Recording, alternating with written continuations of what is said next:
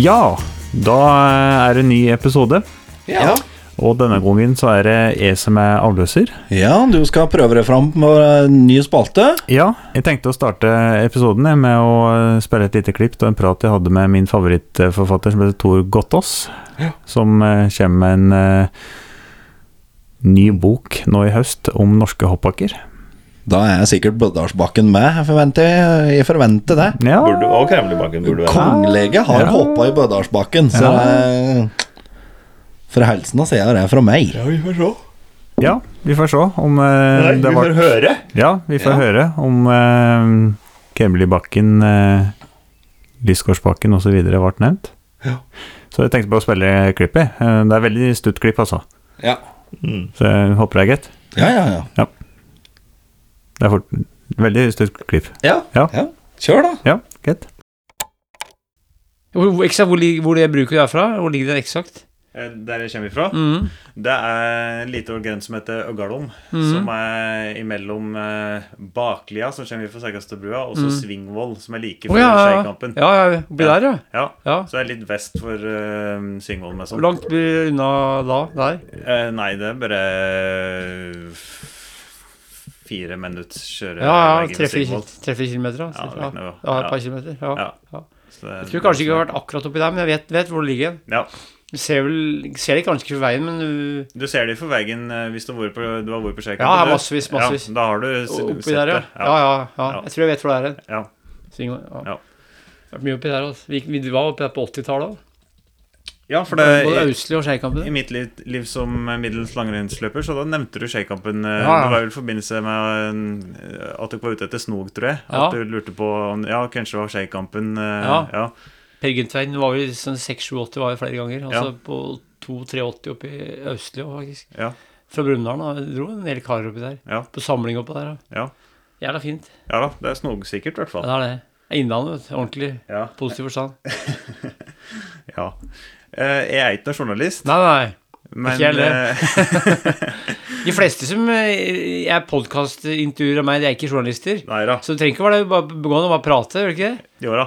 Og jeg ble letta Jeg leser jo boka di som du har kommet med nå, 'Norske hoppbakker'. Ja. Og så stresser jeg meg etter at å, nå må jeg passe på å notere godt og huske og jeg leser, og så jeg får noen bra spørsmål der. Ja. Og, for jeg er jo ikke noe hopper. Nei. Men så leser jo på etterordet der da at uh, du skrev så fint at uh, jeg er ingen innvidd i hoppsporten, heller en betrakter på god avstand. Ja. Så da kjente jeg at da Du var ingen ekspert du er, som har hoppa i mange år, liksom.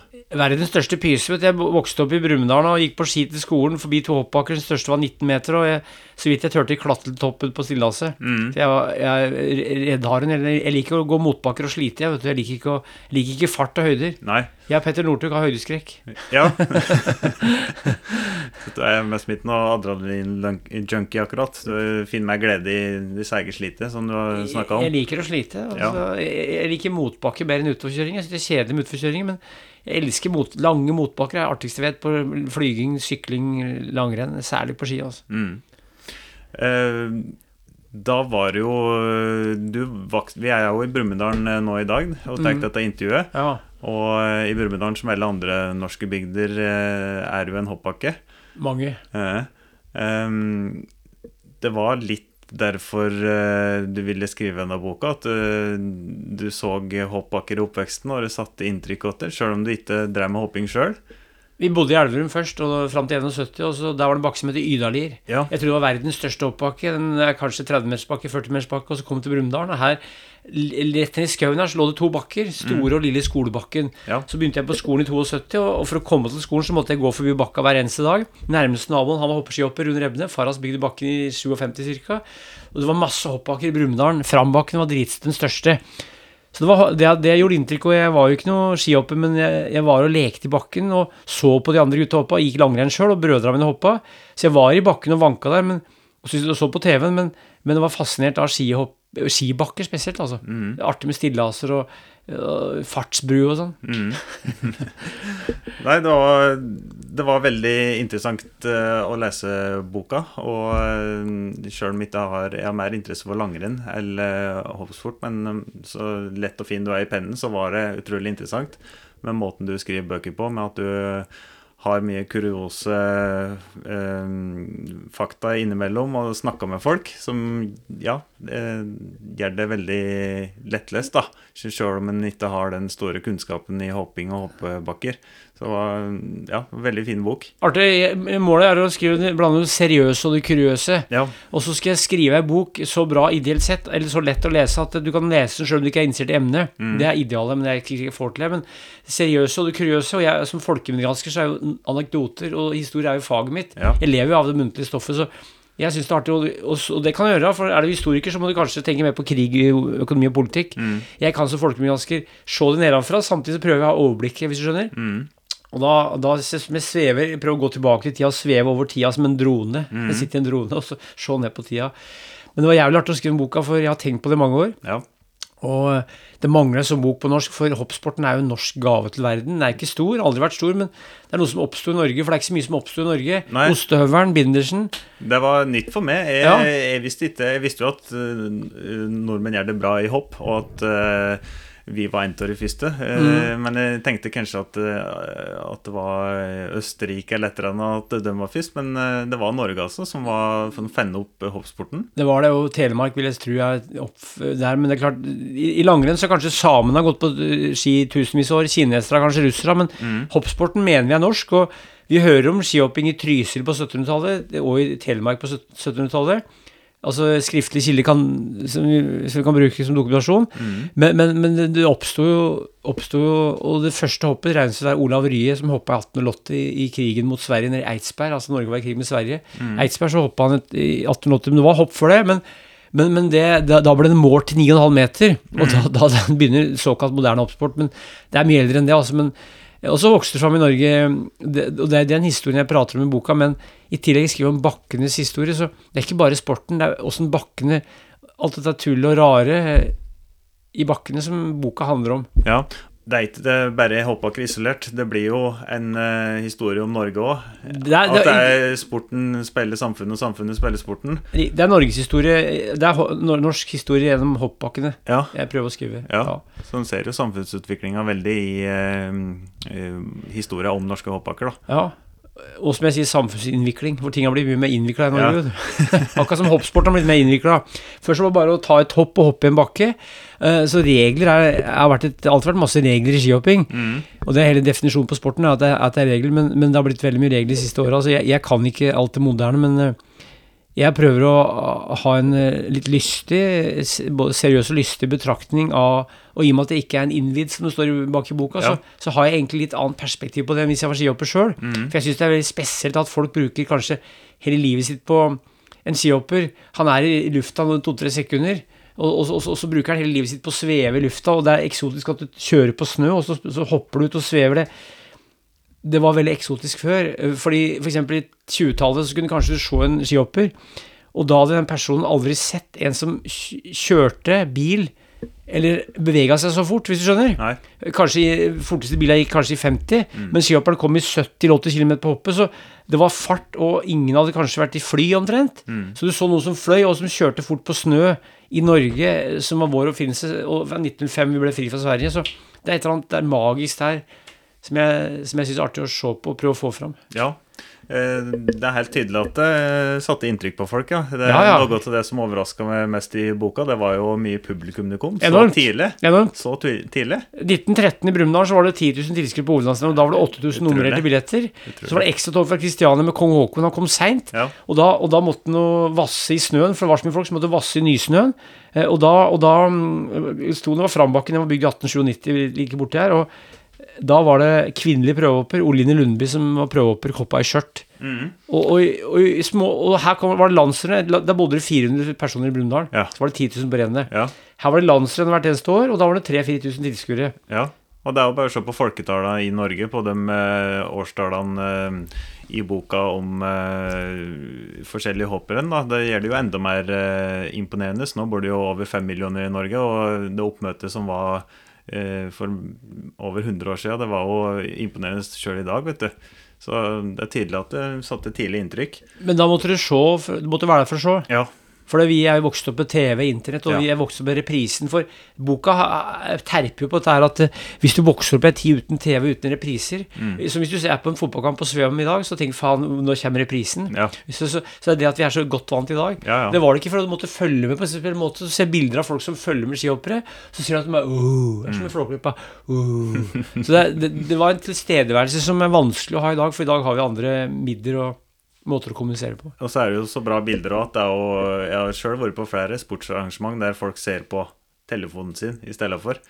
At de får, ja, de får jo bare bilder der, enda de er der. Ja, også på Bislett Games, for eksempel. Hvis du sitter her, så sitter du og ser på storskjermen. Ja. Eh, og jeg har vært på hopprenn nå, hvor jeg sitter og ser på storskjermen, for der er det bedre enn å Litt avhengig av hvor du står i bakken, så klart. Ja, ja. Ja, sånn har det blitt. Kanskje ikke bare til dårlig, men, men teknologien bringer verden framover. Men det har blitt litt annerledes enn det var. Ja, det har det.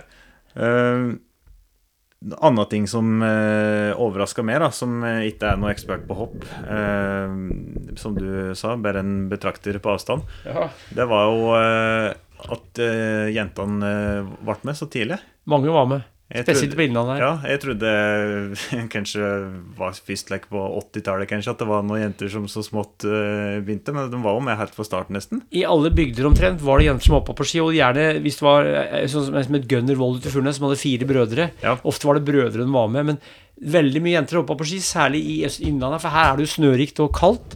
Så, så det er jo eksempler på egne jenterenn på Hedmarken, altså ikke i Gausdal, men i Hedmarken på 1890-tallet ute i Furnes. Og, og, jeg, og jeg kunne tatt mange flere. Jeg kunne lett lagd en egen bok bare om kvinnelige skihoppere. Ja. Det skal jeg ikke gjøre, men for det, det blir litt eh, Jeg, jeg syns det kjønnsperspektivet er litt tull, for at du kan ikke isolere et kjønn i en sport, for det er jo to kjønn. Da må de omtales begge to. Men i boka som, som du har lest, så Jeg vet ikke hvor mange damer jeg nevner. det. Det er så gammeldags også at du mener det fins to kjønn? Jeg mener det, ja. ja. Ja, jeg mener det, ja.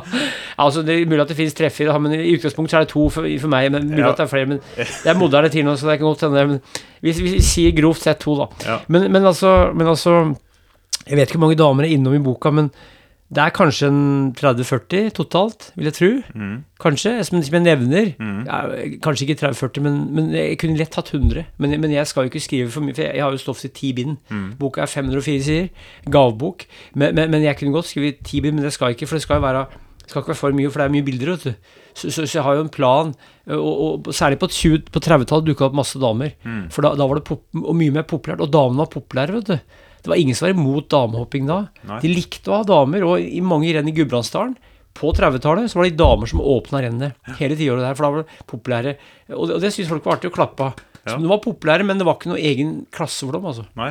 Nei, jeg leste i boka at det var, ja. det var ikke noe kontroversielt Nei. eller eh, Nei. at noen eh, ja, blir ferdig med disse damene som hopper, så vi endelig får sett på karene, liksom. Det var, det var veldig likestilt, slik sett. Det var det. Og så hvis du ser på et bilde som er fra Solbergbakken Det er vel fra 1913 rundt der i boka, ganske tidlig i boka, så står det bilde av en dame fra Gjøvik. Og hun står det, hun fikk mest applaus av alle, står det i avisa. Mm. Så Kvinnelig prøvehopper. Åpne rennet, da åpner bakken, da, altså da åpna de, da var det prøvehopper. Mm. Og det, de fikk ofte mest applaus. Så, og sånn er det jo fortsatt i dag. Kvinnehoppere er populære, de. Mm. Det er bra, for at det, sånn har det stort sett alltid vært. Ja. Og hoppa i skjørt i begynnelsen, altså. ja. Det varte fram til det varte fram til um, krigen, for at de hoppere som jeg vet om som hoppa etter krigen, kvinnfolk, de hoppa ikke med skjørt. For det var jo kleskoder sånn som muslimer har i dag, med masse regler og ikke-regler. Så var det sånn i Norge òg at du kunne ikke hoppe i bukse. Du måtte ha skjørt eller kjole eller stakk. Men de sneik seg til det. Men eh, før krigen så er det få som hoppa med bukse, men det var noen få som tok, drista seg til å gjøre det. altså. Mm. For det var helt spesielt vet du, for kvinnfolk da å hoppe i bukse. Det er ikke så lett å skjønne i dag, men det kom en mote på 30-tallet som sa at damer kunne òg gå i bukse. Ja. Det er slekke historier jeg hadde inntrykk av at Eller det var derfor det var så overraskende, for jeg er vant med å høre slekke ting. At Ja. eh, du ble snakka om i bygda, liksom, hvis du gikk med bukse som dame. Ja, Så derfor overrasker det meg så at det, det var så godtatt og likestilt, og at de ble med så tidlig, da, damene. Så det, det var litt artig. jeg tror veldig mye var likestilt i gamle dager, men det, det var ikke likestilt på den måten som moderne feminister mener. Nei. For de delte jo på arbeidsbyrden, og Det var kanskje et helvete å ligge og hogge tømmer i skauen, men kjerringa var hjemme, så det var Helvete noe å drive heve og vaske, Ja, ja, ja, men eh, altså. da var det likt. Ja, ja, eller være på Lofoten i tre måneder. Drukne eller komme igjen eller passe på unga. Så jeg tror, jeg tror ikke de tenkte på likestilling sånn som Nei. vi tenker på i dag. Nei, det var en naturlig likestilling, liksom. eh, Fordelte det som en naturlig, tror jeg, og det Ja. tror jeg fungerte veldig bra for dem. Altså, for, mange, for mange. De som skrek om det, de hadde kanskje for god tid og for mye energi til overs til å som hadde kunne fokusere på det negative. Mange av de som arva og sleit i hverdagen, hadde ikke interesse av å tenke på det, for de skulle overleve. Ja. Prøve å ha et godt liv. I boka i starten så var det jo eh, det var i den spede begynnelsen av hoppinga, så da var det jo eh, helt naturlig. Folk drev på hver sin kant med litt låvetak og steinrøser og naturlige hopp og skrenter og den slags. Eh, Når var det eh, den første hoppbakken eh, sett med moderne eh, ble laga? Kanskje bort til USA, for at det var en del nordmenn som dro til USA på 80-90-tallet. Der var det flatt ofte i Minnesota. Minnesota, Dakota, som de sa. Og der bygde de bakker med stillas. Så det, hvis du tenker på stillas og fartsbrus, så var det kanskje der. Det kom litt eh, sånne bakker i Norge òg, kanskje rundt 1901 i Oslo. Freidebakken hadde vel eh, stillas rundt 1901, altså det er utafor Oslo. Gamle Aker utafor Oslo. Så det kom noen få stillaser mellom 19 blank og 1910. Eh, og, og så har vi Holmenkollen, Tårnet på 9,5 meter, ble kalt Babels tårn. Det var så høyt. Babels tårn. det mente de var stygt. For, for det var stygt, for da hadde alle bakkene vært naturlig tilløp. og Naturlig hopp eller snøhopp. Først var det bare snøhopp og naturlig tilløp. Vi hører om kvisthopp på 1700-tallet oppe i Ålen. Men det var altså naturlig tilløp og snøhopp, og så, og så var det noen som bygde trehopp og steinhopp. Og så kom det utover 1910-1920 kom det flere stillaser, så det, er, det skjedde noe da på begynnelsen av 1900-tallet. Og Da syntes folk at det var stygt i begynnelsen ofte, men etter hvert så syntes de det var fint. Så det første stillaset i Holmkollen, det var ansett som stygt. Og det neste som var dobbelt så stort, det er 20 år senere, det var veldig fint. Ja. hvis du skjønner. Og da var det status som å ha høyest mulig stillas. Det ble en konkurranse mellom bygdene. Og hvis du reiste rundt i Norge før i tida, så så du mye stillaser. Eh, så det er jo Og enda mer var det Finland, for det er flatere. Norge er et land med veldig mye bakker. Så vi trenger Sånn som Oddnesbakken, eh, som lå borti Fluberg, den hadde jo hadde ikke noe stillas, tror jeg. Men det var mye naturlig stillas, men men, men det, ja, det, var vel kanskje ikke noe bra svar på det du spurte om, men, men tidlig 90-tallet så kom det flere bakker av den typen der, såkalt moderne. Ja, det var et veldig artig bilde i eh, boka, som var fra prærien Ja, i USA. Der var jo herlig Ikke at det bare var stillas i starten av overrennet, men det var jo eh, herlig overrenne Ja. og hoppet. alt var kunstig. Ja, ja, for de hadde ikke eh, den topografien, rett og slett, Ja, så måtte bare bygge det. Så du det bildet som var fra Barmark i USA? Ja, Borti Var det i Ohio? mm, ja mulig det. Anders Haugen og en, en norsk-amerikaner som hadde hoppa. Der var det jo på stråmatter. Ja. Eller kokosmatter, tror jeg. Ja. Så, så de kjørte, og det var livsfarlig. Og så du bildet som var fra Paris, da? Eh, Bakfra har du en bakke fra Paris på 52 meter. Ja, det, det vet vi om vi husker akkurat nå, men 55 meter, 55 meter oppå dem. Altså, I 1955 så dro en del nordmenn til Paris for å hoppe bl.a. Fridtjof Prytz, Terje Holm, og de var unger, og så ei dame med en anviser hekseberg som var 12 år. Og der er det et bilde i boka hvor du ser stillas bakfra, som er 52 meter høyt, i en park i stillas, og der var det knust is som lå på, og det smelta hver dag, du måtte legge på knust is, og det ser helt jævlig ut, det stillaset der. Og der hoppa og 52 meter høyt, og der hoppa ei jente på 12 år. Men hun hoppa i den lille bakken ved siden av, men det er helt jævlig. Altså. Jeg prata med de som var der. For da var det sommerhopping, altså midt på sommeren i en park i Paris. ja. Så det var, det var noen helt rare bakker, og det syns jeg er artig, de her stillasene som Rør, Rørstillas heter det. ja. Det var etter krigen. Rørstillas. Det er Ja. egen sjanger, det. Rørstillas. Det var Mm. trestillas og steinstillas og rødstillas. Mm. det var noe kokosmatter. Ja, det var kokosmatter, ja. eh, De begynte med før plassen, slik jeg forstår det. Det gjorde det, og det var, det var nok han brukte han Carl Olsen i Han hoppa i Madison Square Garden i USA på 1910. Ja. Kokosmatter. Og det var brukt. Eh, for du gled bra på det. Og det ene bildet i boka er vel fra Tror jeg er fra noe lignende der. Hvis du ser det bildet fra staten Ohio, hvor det er utendørs Det ser sånn ut, altså, men det glir jo bra. Og de vanna det, de vanna det, så det gled bedre. Så du hadde rødmaling under skia, og så vanna de, så gled det bedre på kokosen eller på plasten. Ja. Det er spesielt, og de, det var skummelt i tilløpet, så hadde vi se bilder i boka, så ser du at eh, tilløpet er veldig smalt. Så det var skummelt, eh, kanskje enda farligere tilløp enn å falle. Og så i første plastbakken landa du Du kjørte på en stripe av plast, så hoppa du og landa på en stripe av plast. Og så kjørte du over kanskje i sagflis, som, som er en slags variant av snø, men jeg tror egentlig ikke det er likevel. Nei. Det var jo som du sa, det, Norge var jo ideelt eh, med geografi og topografi. Eh, at vi hadde mye bakker Ja. som gjorde det eh, forholdsvis enkelt å lage ganske store hoppbakker. da. Mm. Eh, men som du skriver der, så med all sport så blir jo ting lengre og større og raskere. ja. Eh, Altså det har vært eh, Hoppsporten har jo vokst, bakkene har blitt større, det har blitt lengre hopp. mhm. Og det er naturlig for mennesker kanskje at du skal gjøre noe som er større og bedre enn forgjenger. Altså, det ser vi jo fortsatt delvis at pågår, men de, de sa jo det på 1920-tallet at 50 meter er maksimal grense. Du bør ikke hoppe noe lenger enn Eller 1915 50 meter er maksimal, men det har noe med stilen å gjøre. For det er ra rakstilen, legge, og da var det vanskelig å hoppe noe særlig lenger enn 50 meter. Ja. Så kom denne andre stilen hvor du la deg på, så det har mye med stil å gjøre òg.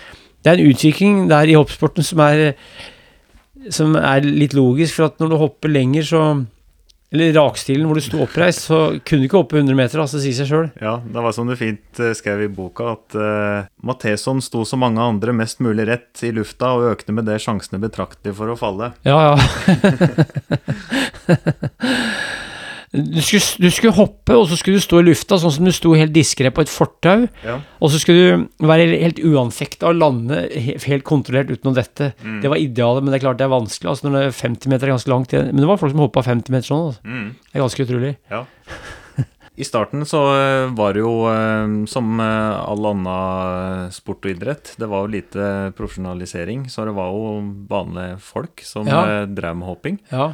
Eh, Du hadde noen eh, fine historier der om eh, noen forholdsvis harde turer til hopprenn. Det var annet om en Edvard Lillehagen. Ja, stemmer det. Han var fra Bærum, og han ble invitert til et renn i Telemark. Det var i 1886. Og da tok han jo øhm, Tok han toget til Kongsberg og gikk på ski derfra. Og det er vel tolv mil, tror jeg, eller, eller rundt der. Jeg vet ikke hvor langt det er å gå, men i hvert fall 10-12 mil å gå på ski fra Kongsberg. Eller fra Drammen. Kong. Det var fra Kongsberg, var det ikke det? Jo, jeg mener det. Jeg tror det. Jeg mener, ja, han tok hvert fall Jeg mener han tok toget dit. For det var tog der da, men, men i hvert fall han gikk på ski en um, 10-12 mil for å komme seg til et renn sammen med en annen kar. Og det var jo, de møtte jo mye rart. De var blant annet inne på et sted og drakk noe eller spiste noe mat der, og da ble han kastet ut av ei kjempedame, en dame som var to meter lang visstnok, som hadde sett dem drakk for å få forbudt å drikke, og så traff de på en Skulle klatre ned ei pipe der, husker du det? Ja. Altså, skulle gå over en, altså for å forkorte turen, så for, gikk de over en fje, et fjell. Og der kom de borti en, en seter hvor de så det stakk opp ei pipe, og det var så mye snø at de måtte klatre ned i pipa. ja, for det begynte å bli kaldt og mørkt. Jævlig kaldt, 20 kuldegrader, og vurderte å sove der, men hvis de sov der, så måtte de fyre opp, og da måtte de fyrte opp pipa, så skulle klatre ut av pipa, så ble det bøkkete, så det ga de faen i. Ja, og eh, hvis de skulle komme seg ut, så hadde vel eh, Ja, da måtte de stable opp med ved, da. Og, Ja, ja, ja. Så det var Ja, ja, ja. litt logistikkproblemer for dem der. Og det er en fin tegning i boka hvor de ser dem går ned i pipa, og da gikk de videre og overnatta, jeg overnatta i nærheten av det stedet hvor de skulle, det var vel i Var i Seljorda, rundt der? Det er en stand. Eh, Det var et stort skirenn hvor hele Telemark møttes, flere tusen som var der.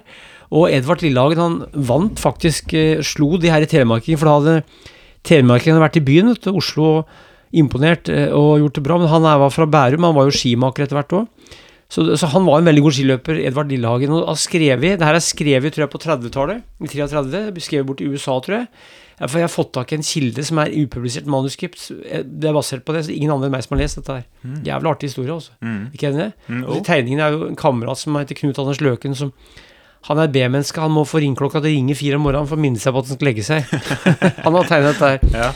Så det var veldig fine illustrasjoner der. ja, det er, er spesialbestilt av han. Ja. Eller jeg har bestilt av han, og han, han gjør det, så han er jævlig flink. Kunne vært flere, men det er vel sju, han har sju illustrasjoner i den boka her. Mm. Ja. Her var det ikke alt den er bildet av, så det er eh, veldig fint å få, eh, Ja, så, få litt tegninger til historien eh, der. så vi skal lage en egen bok hvor han illustrerer alt. Ehm, I starten så var det jo ja, mye lokalpatriotisk måling, og det kom ganske tidlig, så var det uh, angivelig hopp på både 30, 40 og 50 meter. Ja. Um, men uh, i starten, slik jeg forsto det, så var vel mye av landinga ganske flatt. Ja, det var det. Ja. Og så, og så hoppet kunne ligge i bånn av en bakke. ja. Så du hoppa utover et flå, Mm. og det var helt jævlig. Og og det var det mange som drev med i flere tiår. For hvis, du, hvis hoppsporten begynte i 1850-60-åra, kanskje 1860-åra, Mm. så tok det kanskje en tre-fire tiår før, før folk hadde standardiserte regler overalt. Og mange tullehoppa jo. Så å hoppe da, f.eks. hoppe i bånn av en bakke ut på, ut på flå, det er jo veldig vondt. Så mange brakk jo bein og slo seg og ødela skia. Ja, Det er verste som er Jeg har ikke hoppa mye i hoppbakker. Nei. Men jeg har jo kjørt mye alpin. Ja, ja. Og da er det jo forholdsvis digre hopp, da. ja, ja. Så jeg vet ikke, har aldri målt det, men kanskje ja, kanskje en 15 meter anlegg, da, som en hopper på alpin, alpin på disse digre hoppene. Ja. Det verste som er, er å ta for diger fart og ikke kunne lande i unnarennet Ja, ja. på flata. Det er Fy fader, det smeller i føttene, altså. Ja. Så det er jo helt jævlig. Noe av grunnen til det var at det skulle være tøft. du, De som var tøffe og harde, skulle gjøre det. Så det Ja. var en mannholdsprøve det i seg sjøl. Men du, du, du begynte jo med det Begynte jo å skjønte at det, Altså I Telemark så sies det at der de begynte med hoppet i, i, fra- i bratta, sies det i Telemark, opp, men ofte hopp i bratta og, og løsne i unnarennet. Så de kunne ha et hopp hvor det var um, ingen hadde hoppa før. Og så tok de fart, og så landa i løsene, og så var det det gjaldt å stå. altså. Kunststykket var å stå. Det står litt om det òg. Men dette er jævlig mye jeg kunne beskrive om den tidlige skihoppinga, for boka er jo 504 sider, men, og jeg har ganske mye før 1900. Men det er mye mer i den historien enn det som står i boka, for at eh, jeg må bare begrense meg, for at det er så jævlig mye Det har dukka opp så mye stoff nå. Ja da, han kan jo uh, nerde og skrive mange bøker bare om stillas, ikke sant? Ja, ja, Som ikke skal ha problem. alt om Ja, ja. eh, det tekniske og Ja. ja. Så det er klart, det. Um, men en annen mann som har skrevet mange bra bøker, det er jo Fridtjof Nansen. Ja, Og han eh, ble jo nevnt i boka her at han eh, i 1880-åra han eh, kom med et forslag om å flytte hoppet til midt i bakken, og fikk vilja si. ja. Og siden han gjorde det, så da ble det jo mer eh, brattere vinkel på unnarennet, da, ja. slik jeg forstår det. Ja, det var. Ja. Var det ikke ja, og 1880 og det gjorde han fordi han opplevde opplevd sjøl. Og i tillegg så hoppa jo mange med stav vet du, i begynnelsen. Hoppa med stav. Mm. Og det, det var heller ikke bra. Men noen av telemarkene hadde liten stav, og noen hadde lengre stav. Men da de kasta staven og begynte å hoppe altså hoppe midt i bakken og kasta staven, så begynner det å ligne mer på moderne skihopping. Og mange brukte jo samme paret til langrenn og hopp før 1900. Så det er jo et eksempel i 1890. Så starta Holmenkollrennet vel oppe i Ullbakken. Og da hoppa de, og så gikk de på direkten ut i langrenn på de samme para. Mm. Altså starten var på toppen av hoppbakken, hoppa, og så fløy rett på ski med begynnelsen. Det, det var i 1890. Ja. Så det var en kombinasjonsidrett hvor eh, Nord- Da sånne nordmenn var i Oslo, så i Kristiania, så var det jo løping på ski, altså langrenn, hopping og svinging. Det var en allsidig måte å teste seg på. Men det med hopping kom inn som en del av det, og så ble det mer spesialisert at, du, at folk hoppa lengre. og Du har jo noen eksempler fra Nordre Land der, hvor du, hvor du skal hoppe av 40-50 meter Mm. før det var, mens det var verdensrekord på ca. 30. Mm. Så der var det kanskje noen som hoppa, og hvis du har vært i, den- har vært i den østsiden i Ja. ja, jævlig fint der. Ja. Men, men hvis du ser de skråningene nedover der, så, så ser du at der kan du sikkert hoppe en 30-40-50 meter uten noe problem. Mm. Og det står det i boka at de gjorde kanskje før Kanskje det var lenger enn offisiell verdensrekorden. ja, det var vel en eh, som utvandra til USA som eh, hoppa var en kveld eller hva det var, og de målte, og da var det over verdensrekorden. Det var, det var ny verdensrekord, det, gitt. Ja, ja. Så det var nok eh, så, Ja, så du tror på det? At eh, det ble eh, hoppa og satt verdensrekorder i Norge som heller ble offisielt fordi det ikke hadde utvikla seg og ikke var i renn? Det tror jeg. Men det er klart at eh, hopplengde blir aldri mindre med åra. Men, men, jeg, men, jeg, men, jeg, jeg, tror, jeg tror på det også, for at Ja. grunnen til at jeg tror på det, er at det, det var så mye som var lek og tull og moro i hverdagen som ikke er registrert. Mm. Det meste som har skjedd, har, vet vi ikke om. Nei. Eh, Så, så om noen hopper så og så langt i et renn, så er jeg helt sikker på at noen tok lengre fart utenom rennet. Så jeg er helt sikker på at man hoppa lenger enn verdensrekorden. Det kan Mm. ikke skjønne at noen har For det er ikke noe problem hvis du drar til østsiden, det er ikke noe problem å hoppe 40-50 meter der. Nei. Bare ved å kjøre ned disse bakkene, så For det er litt sånn telemarkaktig telemarkaktig landskap der?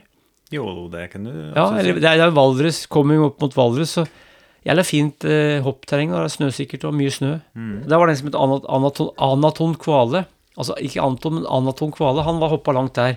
Det står om i boka. Mm. Det var på 1870-80-tallet, hvor han visstnok hoppa lenger enn verdensrekorden. Mm. Det tror jeg på. Ja. Um, så uh, Fridtjof Nansen var rett og slett han som kom med den ideen, altså? Om å Nei. ha uh, han. skråere unnarenn?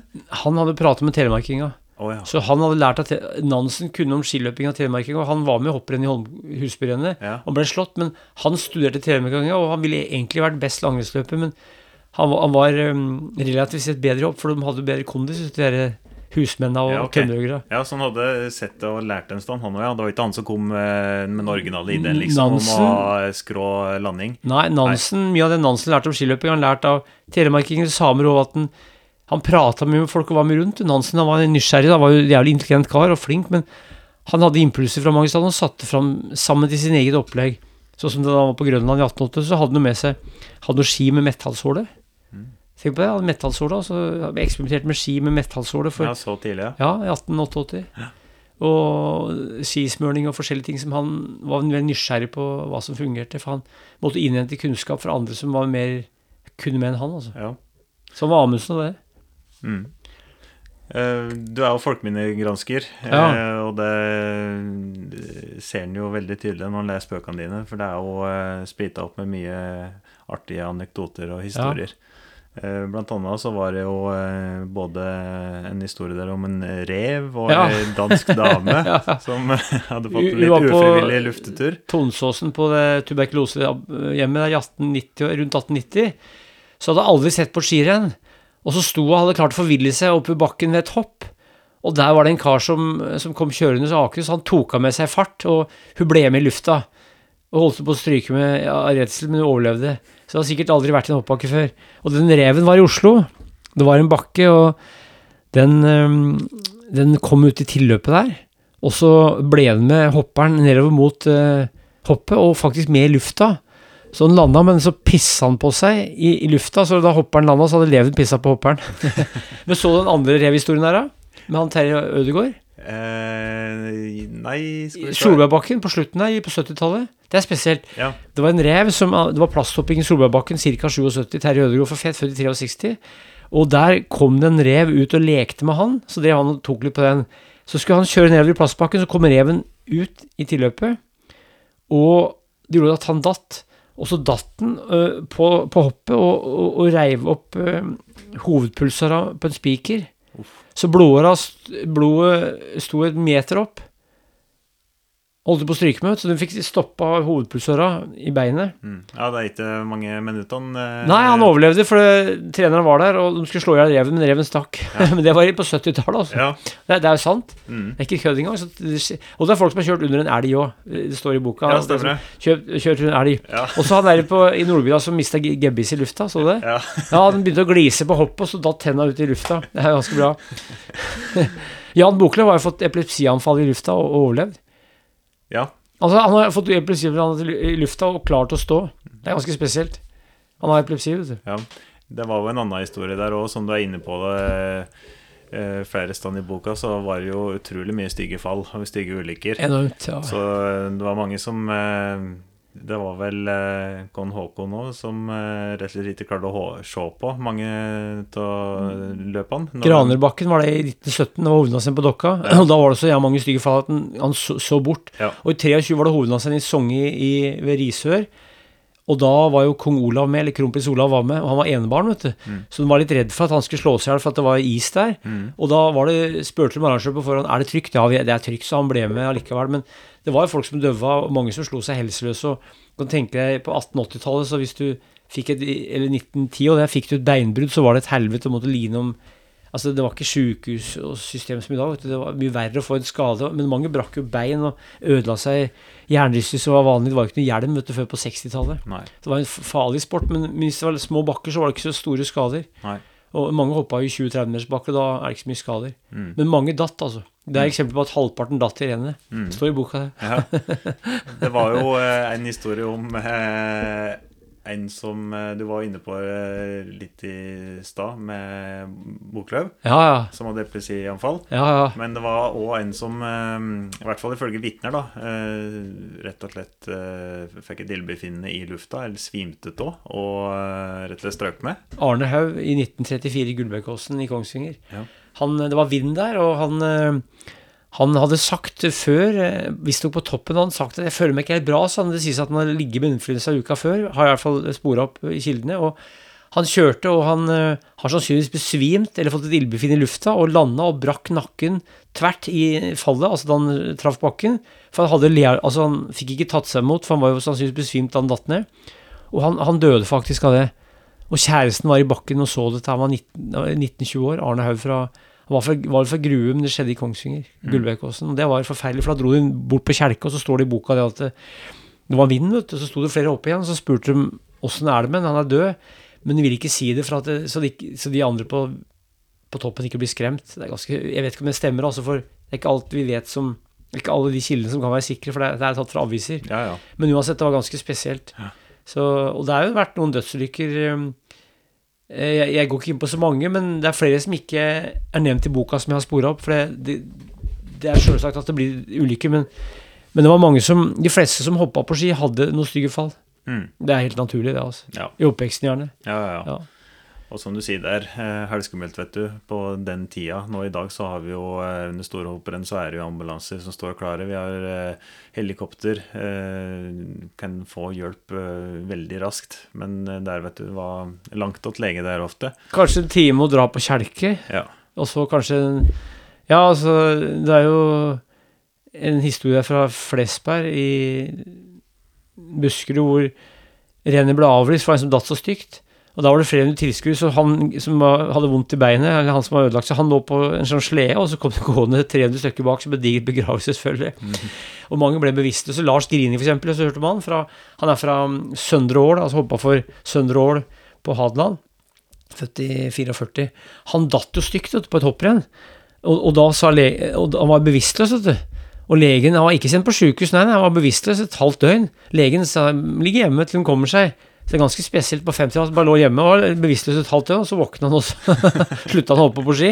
Men altså, han lå hjemme bevisstløs. Det, det er ganske spesielt. Så det var andre normer for hva som er farlig i dag. ja. Det var, det, var, det var et samfunn som var mye mer Det var mye mer Det skjedde mye mer uventa, i dag har vi sikkerhet, og vi har velstand, vi har teknologi som gjør at vi kan ha et tryggere samfunn. På mange måter det er bra. Ja. Men det her var et samfunn hvor, hvor folk ja, folk eh, tror jeg ikke tenkte så mye på de tinga som vi gjør i dag. Nei. Så litt i u-land i dag, så kjører de fortsatt mange uten seler og kjører i fylla og Ja, ja. De er jo helt villmenn mange steder. Ja. Så jeg tror det var litt sånn Norge før òg. ja, ja De som drev med skihopping, var ikke pyser, vet du. Nei. Det var tøffinger. Det var eh, Det er jo den eh, ikoniske Perse-hjelmen. eh, Ja. Er det noen bilder av der? Når Roger var- Ruud. Ja, Kommer på 60-tallet, tror jeg. ja, Eh, det var en som het Ingolf Mork ja. fra Hjelset i Møre og Romsdal som hadde det som jeg husker som første. Han var født i 47 rundt der, ja. 47. Og, mm, og eh, pølsehjelm Roger Ruud hadde det. Mm. Fra Lensby, ja, og det, det er noen tøffe bilder av han der. Så det kom hjelmer på 60-tallet, og noen hadde noen slags mopedhjelmer eller ishockeyhjelmer òg. Men når vi kommer fra 1980, så hopper alle med hjelm, og de har dresser, for før var det jo strekkbukser og skigensere. Kongsberg hadde en eh, rød genser med KIF, altså, eller K sto det på en Det var skigenser. ja, det så jeg. Så det var en stil, og de hoppera, de var ofte pene i håret. Ja. Shina seg opp, og, og de slapp å svette, sånn som skiløpere må, som kom blå i trynet. Langrennsløpere, altså. Hoppera kunne var ikke slitne, vet du, så de hadde en helt annen stil. Og, og var hoppbakken var et sjekkested. Damene ja, ja, sto og så på. Ja, det er klart det. Det er klart det Du har eh, elementet som du snakker om der, at du kommer ikke eh, dyvåt og svette med slagg rundt kjeften. Nei. Eh, du har eh, bare tatt et opp. Det er jo ikke bare bare, det er jo modig, men du, det er klart du eh, du er jo stiligere å se på enn en skiløper som har gått fem mil. Ja, ja. Så Det var stilige karer, altså. Ja, det var jeg ser det. jo på mange av bildene der. Veldig mye fine eh, strikka jakker og slips og ja. det var- Fine bukser og, og fint hår, og unge, kjekke karer som er, som er magre i ansiktet, som er mye ute i frisk luft. Så det var mye fine typer, og damene sto og så på dette her og beundra de som var tøffe. Så var du skihopper, så fikk du så klart lettere dame. Ja, Det er helt sikkert, altså. Ja, ja, ja. Også kamerater, for at de var populære hos gutta. Altså, de ble, folk ville være kamerater med de gode skihopperne. De var veldig, var veldig sikkert populære i dag òg, men altså, nå snakker, vi om fortida. Da er det det som vi prater om. Det, var du skihopper, så var du populær. Vet du. Mm. Jeg har lest det at uh, grunnen til at vi menn havner i mer ulykker, og at vi har mer risikoatferd, det er rett og slett evolusjonært at vi gjør det fordi når vi var huleboere, da, så var det jo den som eh, risikerte mest, som eh, kom hjem igjen med mat og ressurser. Så vi, opp gjennom evolusjonen så har vi blitt belønna hele tida for risikofylt atferd. Det sier seg sjøl, det. Ja. Det er helt logisk. Så eh, skal du ha samleie med han som sitter i hjørnet der og er redd og ikke tør å jakte mammut? Eller skal du ta han som akkurat uh, Ja, ja. kommer slepende med to digre hjorter etter seg? Ja. Pluss plus at kvinnfolka, hvis de er mer sikkerhetssøkende, så må jo hensyn være motsatt. Ja. Så det er, det er helt logisk, det der, altså. Mm. Og skihopping er jo en blanding av mot, eh, eh, mot og snarrådighet og eh, vilje til å oppsøke situasjoner som er kanskje litt vanskelige men som, og risikofulle. Og det, det ligger jo veldig i guttens natur å drive med, egentlig. Ja, Det er veldig naturlig for gutter å være så Mens damer kanskje er, trekkes mer mot å ha det litt tryggere i oppveksten, sjøl om det er masse damer som sikkert vil si det samme. Ja, men altså Jevnt over, altså. Mhm. Jevnt over. Men det er som du sier, det er naturlig. Det Ja. Er, skal jeg få unge med han? Han har ressurser, han har mat. Ja, ja. Og åssen han har fått mat? Jo, han, har, han er jo modig. Ja, Han ja, er ja. gå- ute på jakt. ja. Han andre pise i hjørnet, han har jo ikke mat nok til seg sjøl omtrent. Så det er jo helt dødfødt å få unge med han. Ja, ja, Han ja. får han jo tre å fø på. ja, ja. Så eh, Nei, jeg var på et foredrag en gang om eh, trygg trafikk på videregående. Ja. Det var da jeg hørte om dette der. For de hadde undersøkt og forska mye på dette der, da. Du kan tenke deg til det, Offer, ja. Offer unge menn eh, havner med bilulykker og driver med så mye tullkjøring. Men det er, det, er, det er rett og slett evolusjon. Det, det går ikke an å dekode. Det, det bare ligger instinktivt i menn, altså. Pluss at det er noe med testosteron å gjøre, for testosteron er jo ofte mot Jeg har en teori om hvorfor kvinnfolk ofte prater mer. For de, Ja. det, er, det Min teori er at eh, de drev og sanka mye. Og for å holde ville dyr på avstand, så prata de. Ja, Ingen dum teori. Nei, men det er godt hende at de Ja. prata for å holde dyr på avstand. For da, pluss at de skulle, skulle være sosiale mens gubben var ute og jakta. Ja. Det er veldig mye som er veldig evolusjonært. Du, du, trenger ikke å forske på det, men du kan bare tenke deg fram til for at det, det er veldig Syns jeg, altså. Jeg skal ikke si at det stemmer det jeg sier, men Neida. for min egen del så er det nok å ha den forklaringa. Ja. Jeg driter egentlig hva andre sier. Jeg tenker at eh, hvis jeg mener det, så er det for meg en sannhet. Mm. Det er spennende dette der, altså. For vi har jo, eh, hvis du tar eh, Har du lest gjennom Sapiens-boka. Ja, jeg har lest Ja. alle tre bøkene. Han sa vel at hvis du tok eh, et lik ifra Jeg vet ikke om det var 10 000 år siden, det var ganske Det var fryktelig lenge siden, i hvert fall. Ja, Hvis du hadde tatt en, eh, et menneske fra den tida ja. på en eh, obduksjonsbenk nå i dag, så er det ingen som hadde reagert og med som tenkt at det, det ja, utseendet, både innvendig og utvendig, var nesten identisk Ja, som ja, det ja. var nå i dag. Så samfunnet har forandra seg så uendelig mye raskere enn vi mennesker har klart å henge med. Derfor er det mye like, gammeldagse instinkter og, instinkter og like, som henger med. Da. Blant annet det vi har snakka med nå, med risikoatferd og alt slikt der, som kanskje ikke passer inn eh, i dagens samfunn, da, som jobber litt imot oss, eh, tror jeg. Ja, jeg tror det, at eh, det er helt riktig. Også, De har jo funnet kjerringer fra vikingtida som har muskulatur som kroppsbygg i dag. Så jeg tror mange at, eh, at de så kanskje like ut, men at det var, at det var veldig mange som var sterke. altså. Mm. Muske, både muskelsterke og skjelettsterke. Det tror jeg For, for du hadde en, hatt en jævlig utskilling. Mm. Eh, fram til eh, Ja, ja. for 150 år så, så døde jo halvparten av unga. Hard utskilling. Ja, altså hvis, det, hvis 50 døva, altså for, for 25 For det var ca. 1800 så mener du at ca. 25 av kara fikk unger. Mm. Altså, eller, eller for, at halvparten døva før de var ti år. Også.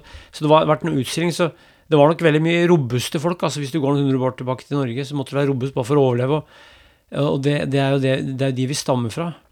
Og vel spartanerne, som virkelig Ja. håndheva den der hardt. gjorde det, gjorde det. For der var det vel, De så vel på ungen, eh, tror jeg, og likte de ikke det de så, så var det bare å kaste utafor skrenten. Det Ja, ja. kan jeg leser, i hvert fall. Ja, ja. Og så jeg har vært noen indianere i Sør-Amerika eller Mellom-Amerika. Der, der var det lite jord.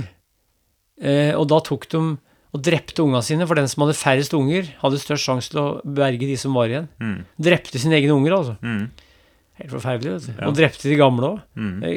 Enten at de gjorde det aktivt, eller at de oppfordret de gamle til å ta livet sitt. Så de hadde gjerne en forestilling om at det var et liv etterpå, i åndeverden kanskje. Så hvis de drepte seg sjøl, så kom de kanskje til et sted hvor du var Hvis du var gammel og sjuk, så var det kanskje bedre å drepe seg sjøl. Altså, de trodde det. Mm. Så det, det er helt, helt merkelig, men litt annerledes enn det er i dag Mm. i Norge. Vi er jo ganske sivilisert på den måten i Norge. Ja. Nei da, men vi har vært i det har, vært- Altså, mennesker har vært uforandra veldig lenge. Jeg Altså. tror det. Nå husker jeg ikke akkurat hvor mange tusen år det var, men så etter at jeg leste den boka ja, det, ja, men det er jo som du sier, du kan tenke det Ja, ja. mye sjøl òg, da. Ja. For det er veldig naturlig. Er det. Eh, hvis du først eh, aksepterer den tanken om evolusjon. Det er jo ikke det som gjør det her. Nei, nei, nei. nei. Eh, for det, det er veldig mange som eh, tror at eh, pyramider og alt slikt der, det kan ikke være bygd av mennesker på den tida. De ser så ned på mennesker for bare noen få hundre år siden. De tenker at de var dummere, de var mindre Ja, de var dummere, de fekter mindre, men det er klart Sjøl i vikingtida og eh, eh, mange år siden, så det, det var Hjerna var nesten Altså, det var samme intellektuelle kapasitet, eh, tror jeg, i hvert fall tilnærma. De hadde jo mindre hjelpemidler, selvsagt, ja, men eh, du verden for noen kunstnere og ingeniører og eh, det var, det var noen genier på den tida. også. Klart det, du vet at Hvis du har mindre hjelpemidler, så må du bruke bedre det du har. Ja. Og da er det egentlig nesten smartere relativt sett, for da har vi staten og masse teknologi som vi kan bruke uten å gjøre noe annet enn å bare betjene teknologien. Da måtte du tenke praktisk på en helt annen måte og langsiktig. Så en person som bodde i Norge for 500 år siden, var veldig praktisk smart og måtte tenke mye mer på livsoppholdet enn i dag, hvor du har butikker med mat, du har eksperter som kan tilkalles. Det var, det var nok litt mer liv som var prega av en kamp, tror jeg. Men samtidig så var det mer oversiktlig, for det var jo mer nært. Det var en kamp, men det var mer nært, for du hadde oversikt over kanskje flokken eller din verden. Mm. På det er umulig å forestille seg for oss, tror jeg, egentlig. Mm. Vi kan gå ned på det, men, eh, men jeg, jeg tror at eh, du kan sette en nor- nordmann i dag til å leve sånn de gjorde 1822, så vil de bli ganske imponert. For at eh, de klarte å overleve da. Og, Ja, ja. og det var faen ikke så lett da, og, men vi hadde hatt problemer i dag, for at vi ville klart så, Vi ville fått problemer, tror jeg, mange med å leve på den måten, for det virka for for enkelt. Ikke, ikke, for, ikke for enkelt, men for For, for, for Altså, ting tar mye som, som tar kort tid i dag, som ville tatt jævlig lang tid da, som var en del av det å bare leve og skaffe seg mat, altså. Mm. Og nå har vi jo så lett tilgang på informasjon nå at vi slipper å prøve å feile og tenke så mye. Vi Ja, kan ja. bare søke på telefonen. Du, har, du har jo ikke det, da, men eh, du har internett. Ja, internett, internett, ja, Ja. Så det samme det. Så ja. Nei, det var en liten avsporing. Ja, ja, eh, samme det. Samme det. Jeg, jeg, jeg jeg. Jeg har lest de bøkene til han, til han eh, jøden fra Tre bøker, er ikke det? Ja. Eh, Homo deus Ja. og sapiens, og så en tanke for det 21. århundre. Ja, Ja. og så har jeg sett den på YouTube òg. ja. Han, er- han er jævlig god til å Han er ikke noen dumming, altså. Nei. Det er smarting. Han har oversikt. Han er, han rundt 50 år. Litt under, kanskje. Ja. Nei, det er enormt interessante bøker. Ja, det er det. Han, han forklarer ting på Det er ikke sikkert alt han sier er sant, men han får setter sammen på en måte som er jævlig bra. Og så han øker, som han Thomas Eriksen sa, han, den gjennomsnittlige IQ-en øker ved at folk leser bøkene hans. Ja. Eller mange får en forståelse av verden som etterlengta hvis du bryr deg om verden, altså. For det er ikke alle som gjør det, men hvis en er interessert i å prøve å forstå verden, så er han med på å øke den forståelsen, tror jeg. Mhm. Eh, og utrolig mye artig fun facts her. Det var blant annet uh, det, Mange har jo sikkert lurt på hvorfor vi mennesker ikke kan gå med en gang vi er født, for det er jo mange i dyreriket som kan gjøre. Ja, ja. Kalver begynner jo så vidt å stabbe ja. på første dagen, og Ja. detter jo to meter ned på nakken og går rett opp og begynner å gå. Men vi er rett og slett født for tidlig, altså. Og grunnen til det, det slik jeg forstår i boka i hvert fall, det er jo at uh, gjennom evolusjon så har vi fått så digert hugge at hvis vi skulle bli født eh, så seint at vi kunne gått på dag én, Kom så, ikke ut, nei. så hadde vi hatt for digert hugge, så vi Ja. hadde drept mora, rett og Ja, slett. ja, ja. Ganske spesielt, det. Ja. Etter hvert så ble det jo uh, mye utgifter uh, med disse hoppbakkene. Det ble mer og mer profesjonalisert. Det Ja. ble bedre bakker. Ja. Det ble uh, mer og mer riktige profiler på uh, overrenn og unnarenn og, og, um, og hoppet, og mange rista på hodet at det um, brukte så mye penger på like, eh, tull, mente mange. da. Mhm. Og da kom jo det du var inne på i stad, med stillaser, var en stor grunn til det, for å få større og lengre og bedre eh, hopp. ja. Eh, mange var i, i, imot det. De syntes det var stygt. Det var finere med ei hoppbakke som gikk mer i symmetri med dalsida. Eh, Men som du var inne på, det ble eh, mer og mer godtatt etter hvert. Ja, ja, for at eh, Som jeg sa, så i Holmenkollen var det store protester av første stillaset kom, som var 9,5 meter. Og så kom det stillas som var 20 meter, og så kom det stillas som var 30 meter. Og vi kom etter krigen, så er det stillas som er ja, over 30 meter flere steder i Norge. Og det syns jo folk er fint, for det er et slags lokale Eiffeltårn. vet du, Så det ble attraksjoner hvor folk gikk tur dit. og folk, Det var en veldig stolthet i Norge rundt det med hoppbakker. Mm. At folk hadde større hoppbakke enn nabobygda eller nabobyen. Og i alle bygder og alle byer var det hoppbakker. og de fleste folka hadde vært på hopprenn. Det var så stor tilstrømning på hopprenn at uh, mange steder var det jo like mye tilskuere på rennet som det var innbyggere i bygda, eller til og med mer. Så de fleste mennesker i Norge, f.eks. i 1950, hadde vært på hopprenn. Det var helt vanlig å gå på hopprenn, akkurat som du går på tur i dag, så var folk på hopprenn. Så det var noe som tilhørte hele folket. Og da var hoppbakken det var noe de var stolt av. Og da var det jo snekkere som bygde bakkene, for mye var i tre. Det kom jo, det kom jo bet, noen betongbakker etter krigen, og noen, noen rørbakker, men det var veldig mye treverk i de bakkene.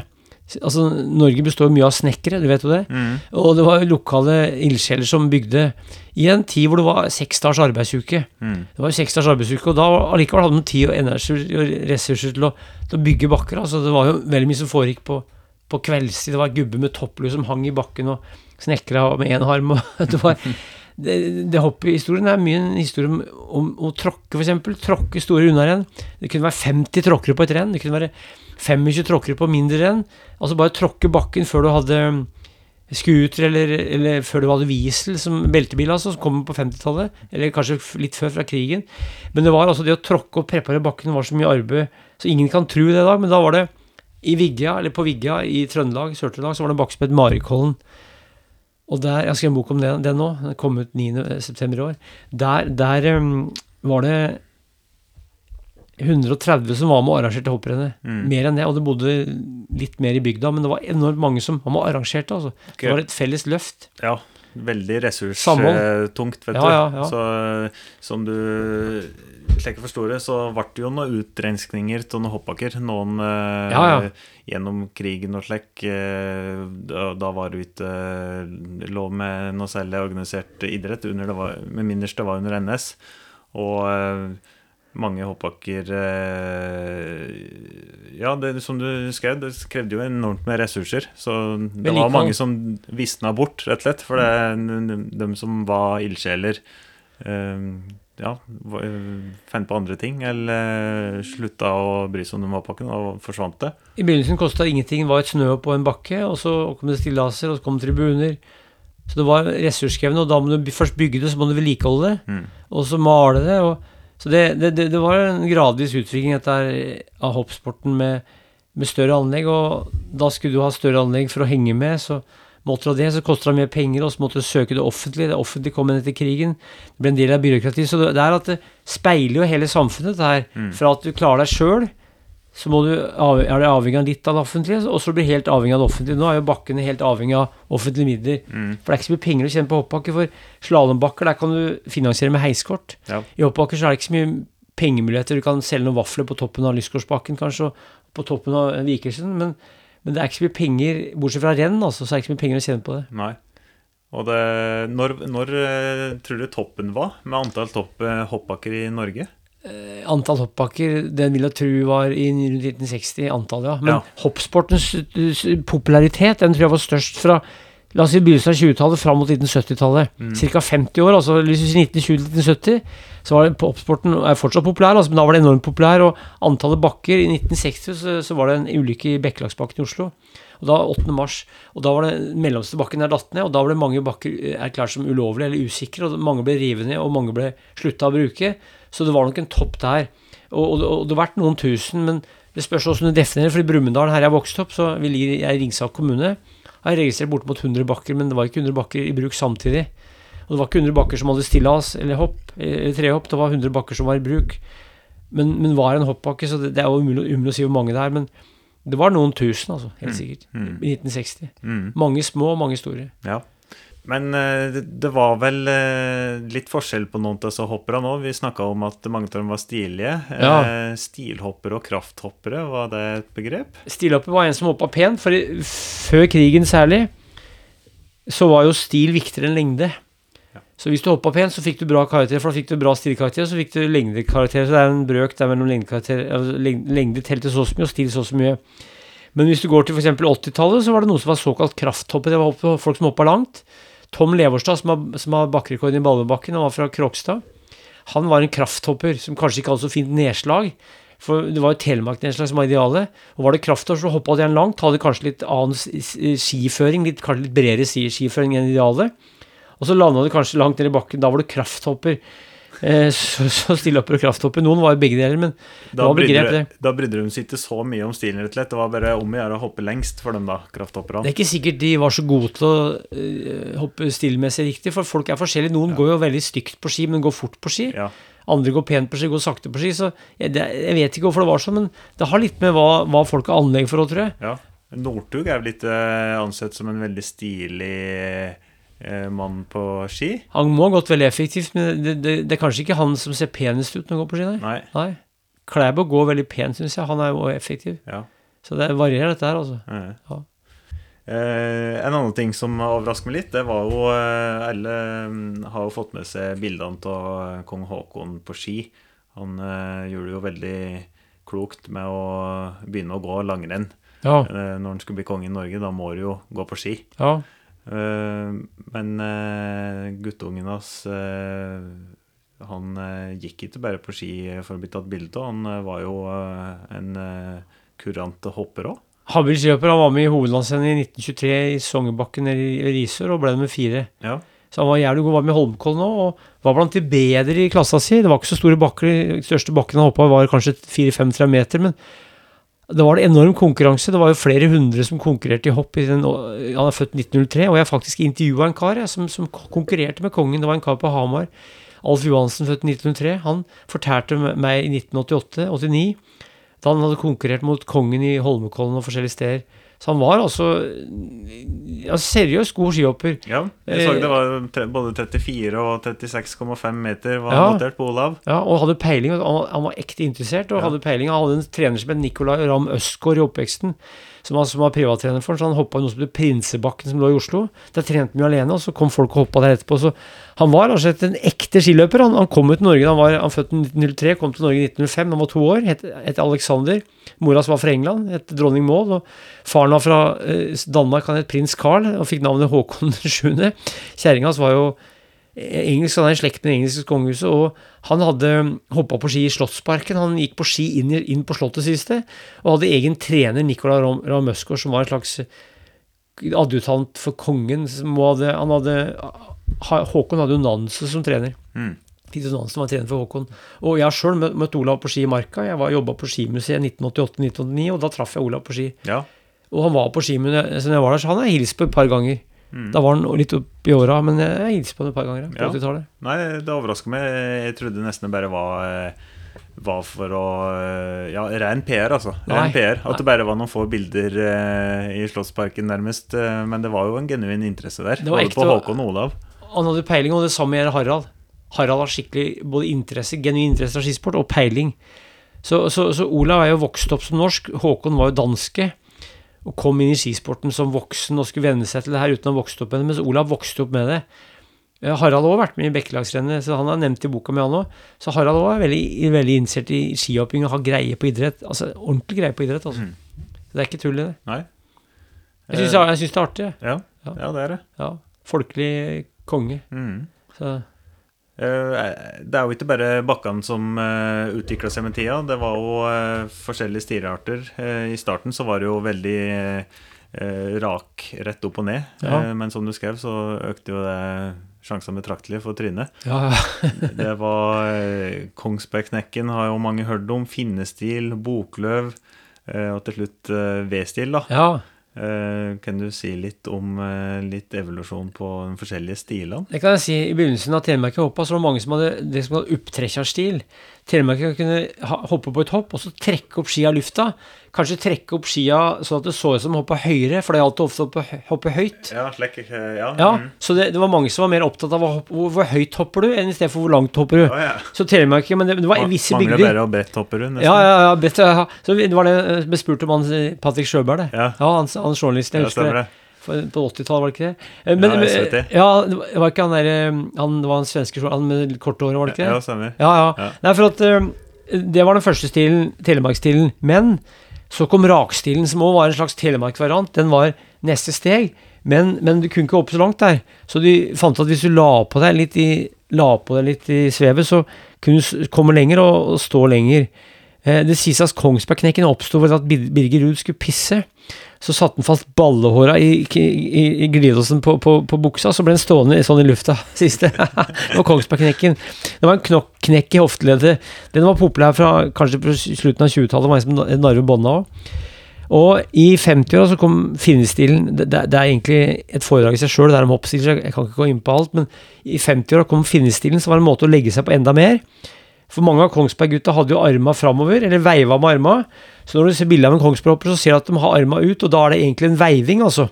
Men bildet kan ikke, kan ikke fange veiving, det kan film. skjønner du? Mm. Så det er et frossent punkt i et bilde, men det er egentlig veiving. Mm. Men, men finnestilen, det var uh, en som het Descher, sveitser, som hadde fått vondt i armen. Og så, og så, og så, og så skulle hun hoppe, og så, og så, skulle hun ha armen inntil. Og så fant hun at det, at det gikk lenger, det er vi på slutten av 40-tallet. Erik Desch. Så det var det finnene og adopterte dette her. Så finnene de slo gjennom med finnestilen på 50-tallet og kom lenger. Da, da, måtte bakkene bygges om, for da ble det eh, Profilen ble feil, for de kom for langt ned i bakkene. De som hoppa finnestil, hoppa bakkene ned. Da vi, Finnestilen kom tidlig 50-tall. Men med, bakkene må bygges om fra i Norge fra 57 utover. Så da var det en del bakker lagt ned. Og så kom det en ulykke nede i Bekkelagsbakken 1960. Eh, så Boklöv han var en dårlig svensk hopper, rødt hår, som var i Falun 1985 og hoppa på plast. Og var ikke noen god skihopper, men så, så, så sprika han jævlig i, i bakken. Og, og, så, og, så, kom han langt, og så neste hopp så gjorde han den samme tabben, og, og så sprika han langt da òg. Sprika og kom langt, og skjønte at nå er jeg på sporet nå. Så begynte han å hoppe sånn, og dommerne de honorerte han dårlig, men han kom lenger, og i løpet av noen år, så jeg husker godt dette her, jeg så på TV-en så kom han fram til en teknikk som virka bra, og så vant han verdenscupen. Med den stilen som heter V-stil, eller Bokløv-stilen, som har uttrykka seg videre fra slutten av 80-tallet, da han var god da I begynnelsen var det bare han som hoppa sånn. Men det var noen som hadde den sidestilen, at de hadde litt, litt, litt uh, Martiniken hadde litt, litt V-stil, eller Det var en som het Steve Collins fra Canada, han hadde plogestil. Altså motsatt av V-stil, hoppa i plog. Mm. Og Nyken hadde litt, litt bred stil. De hadde jo kanskje Kankonen på 60-tallet, men Nikon hadde litt bred stil. Og da, og da fikk han en større bæreflate. Og Erik Johnsen fra Norge og Ole Gunnar Filsrud, han, eh, han hoppa litt, litt, skakt. Da fikk de større bæreflate. Og Vegard Oppås hadde én ski ut. Forskjellige varianter, altså. Noe av det står i boka. Ja. Det er mye rart der, altså. Og etter hvert så eh, eh begynte dommerne å eh, godkjenne det òg. Eh, ja. Eller altså ga høyere poengsummer, ja, ja. da, slik jeg forstår det. Så som alt nytt så blir det sett på sett ned på og ikke godt mottatt i starten, og så etter hvert så blir det normen. Jeg syns fortsatt det er penere å se et gammelt uh, bilde av en som hopper klassisk. Ja. Syns jeg, men det er Stiligere, det er det jo. Og så er det noe med at de hadde ikke hjelm, de hadde ikke briller. Du kan se et menneske der. I dag er det hjelm, det er briller, du ser ikke, det ser ut som en robot. Ja. Så det er noe med at det, det var stiligere på en annen måte enn i dag. Det er veldig stilig å se en som flyr i V-stil. Det er ekstremt effektivt aerodynamisk. Du flyr, altså Før så hoppa du, i dag flyr du. Det har blitt en helt annen sport. altså. Mm. Kan nesten ikke sammenligne. De, de, som er eksperter på det, de er ikke det. De sier at det er en helt, nesten helt annen sport. Men, men de, de, er, de er, før i tida så gikk de høyt opp og rett ned. Det var kanskje 10-12 meter på det meste over, luft, over bakken i de største bakkene. Og i dag så går de ut, og så flyr de nedover langs unnarennet på en helt annen måte. Og vi kan jo se hoppet på TV-en i gamle dager så måtte du bare se de, de sekundene, og i dag kan du spole og se på Så du får en annen opplevelse av hoppsporten gjennom TV nå, fordi bakken er annerledes. Mm. Og fordi stilen er annerledes. Mm.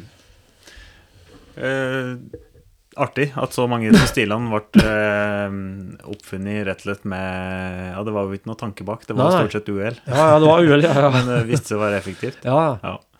Det var en del eh, magiske grenser òg opp igjennom. Eh, det var 50 meter, det var 90 meter, det var 100 meter.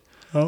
Eh, nå er det vel ja, kvart kilometer, da. 250 meter, ja. Var det ikke 250 rundt der, da? Ja, i Vikersund. Ja, ja. Det er ganske langt, det. Kvart det, altså. kilometer. Ja, helt utrolig. Og står du på toppen, som kanskje Jeg har vært på toppen der, så er det jo flere hundre meter ned til der oppe. Altså, det er helt utrolig at det går an. Jeg skjønner, jeg skjønner, ikke at det går an. Jeg sier at jeg, For meg så er fjellklatring og skiflyvning det er noe av det mest ekstreme som drives. Det er ikke sikkert det er så farlig å drive med skiflyvning, men, men det å hoppe 250 meter på ski, det er veldig spesielt, altså. Mm. Men fordi vi gjør det så nært bakken, så, så, er det ikke så farlig. Og de som gjør det, har, har mye kontroll. Så de som har greie på skihopping, sier at i dag er det mye mer kontroll. For 50 år siden så var det mye mer risiko, som vi har skjønt, oppe på skien i dag. I dag er det mye mer Du kan kontrollere de variablene, altså både hjelm altså, Eller du kan kontrollere det du gjør, mye mer. Og fordi de er godt trent på det. Det er mye mer tima enn det var kanskje for 50 år siden. Du hadde jo en del statistikk i boka der òg, med fallprosent. Den var jo ganske høy på i hvert fall noen tilbake der. I gamle dager så var det over halvparten som datt ofte i hvert renn. Ja. Ja. ja.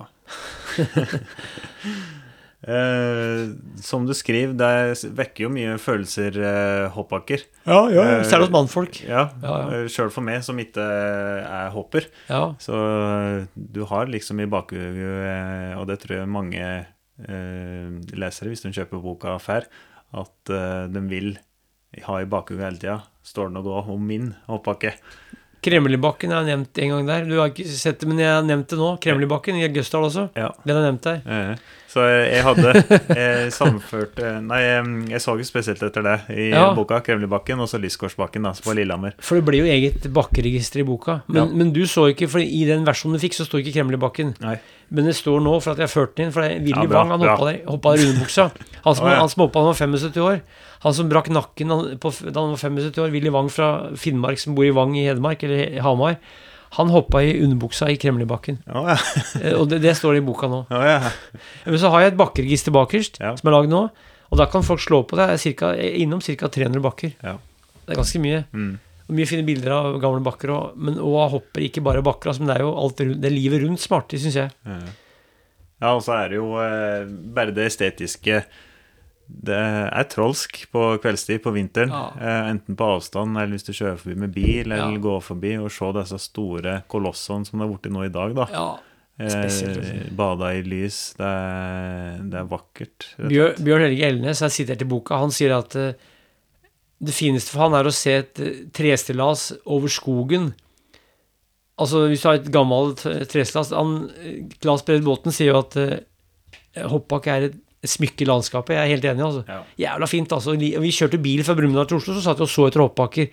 Kjørte opp i Gudbrandsdalen, så så vi etter hoppbakker. Og det er det overalt.